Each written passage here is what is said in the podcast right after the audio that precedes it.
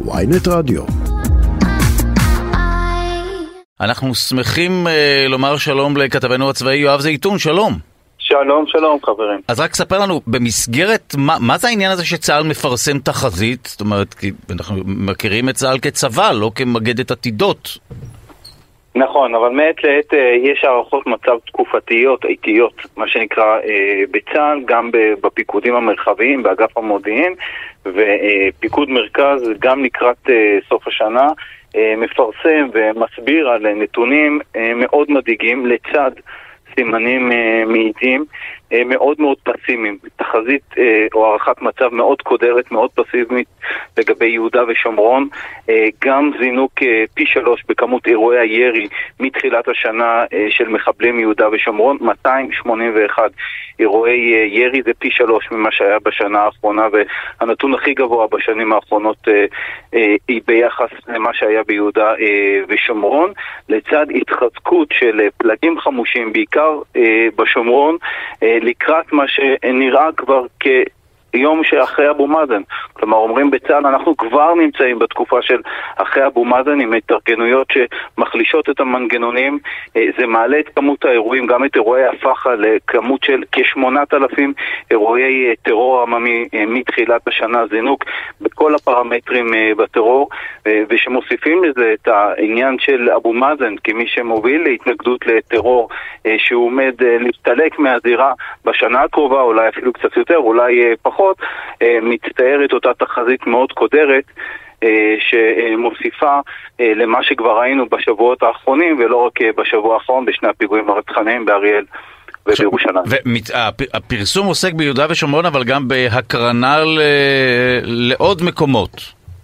נכון, אה, תראה, אה, אה, צה"ל התחיל עם ההתכוננות הזו, עם הדריכות הזו שנקראת שובר גלים בחודש מרץ, אחרי שראינו את פיגועי ההסתננות, ומאז הוא פרס שמיכה אנושית מאוד גדולה על קו התפר הפרוץ, אותו, אותם 730 קילומטרים סביב יהודה ושומרון, קו תפר שפשוט הופקר והונח לאורך עשור, ודרכו נכנסו עשרות אלפים, אז מאז צה"ל מסתבר לא הוריד את הכוחות האלה, ויש לא פחות מ-25 גדודים בחטיבות המרחביות ביהודה ושומרון, כאשר בשנה שעברה, בשנים עברו, היו 13 גדודי בט"ש. זאת אומרת, זה כמעט פי שתיים עד עכשיו.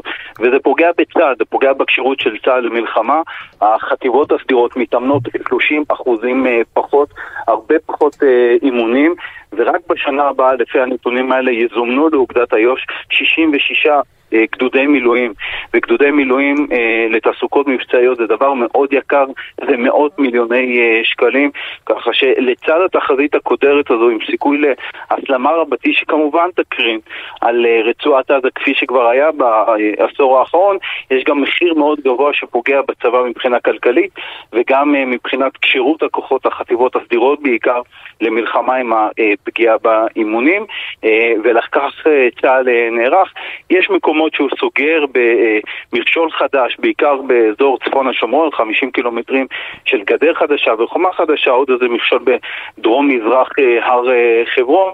אבל בסך הכל הצטברות כל הסימנים האלה, החלשת המנגנונים בצפון השומרון, העובדה שהמנגנונים כבר כמעט ולא נכנסים אה, אה, אה, לג'נין בעיקר, אה, ואלפי אלפי כלי נשק, אלפים רבים מדברים אפילו מעל רבבת כלי נשק ב, בידיים פלסטיניות, כל זה יכול להביא אותנו לתמונה מאוד קודרת, ומסכם ואומר אה, קצין אה, בכיר בצה"ל, היום לא צריך בשביל אינתיפאדה שלישית 20 אלף או 30 אלף פלסטינים שיצאו לצומת ויזרקו אבנים, מספיק כמאה חמושים שיצאו במקביל עם נשקים ויירו על ישראלים ביחד באותו זמן, כדי להביא אותנו לתמונה ששנים לא חווינו ביהודה ושומרון.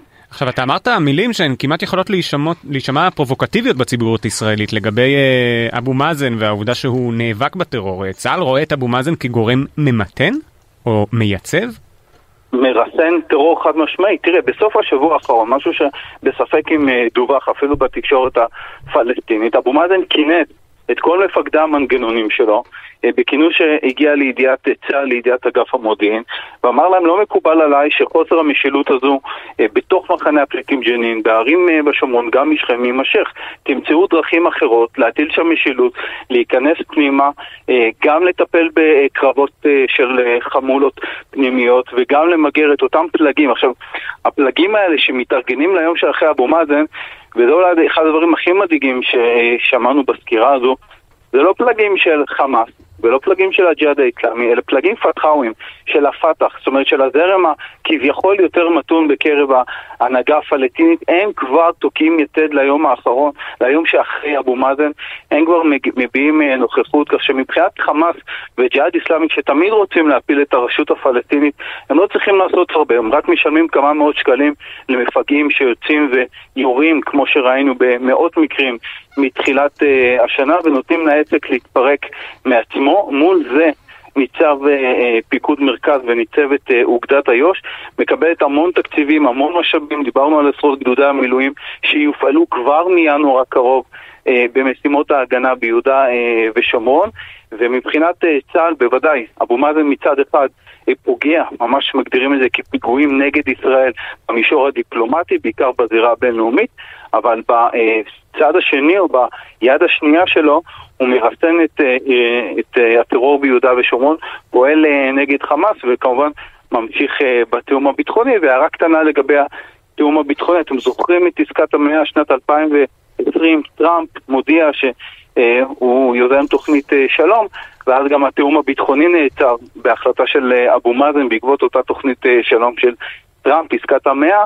אז באותה חצי שנה ההיא שלא היה תיאום ביטחוני ואנשים זלזלו בזה, כבר אז אה, נזרעו אותם זרעים של חמאס ושל הג'יהאד ושל תשתיות טרור אה, נוספות להתארגן ולהיאסף ואומרים לנו אה, בצה"ל, בפיקוד המרכז, שאותם זרעים של אותה תקופה אז מחצי שנה של בלי תיאום ביטחוני אנחנו היום חווים ומשלמים את המחיר הזה באותן התארגנויות טרור שעולות ותומכות וגם מוציאות אל הפועל פיגועים.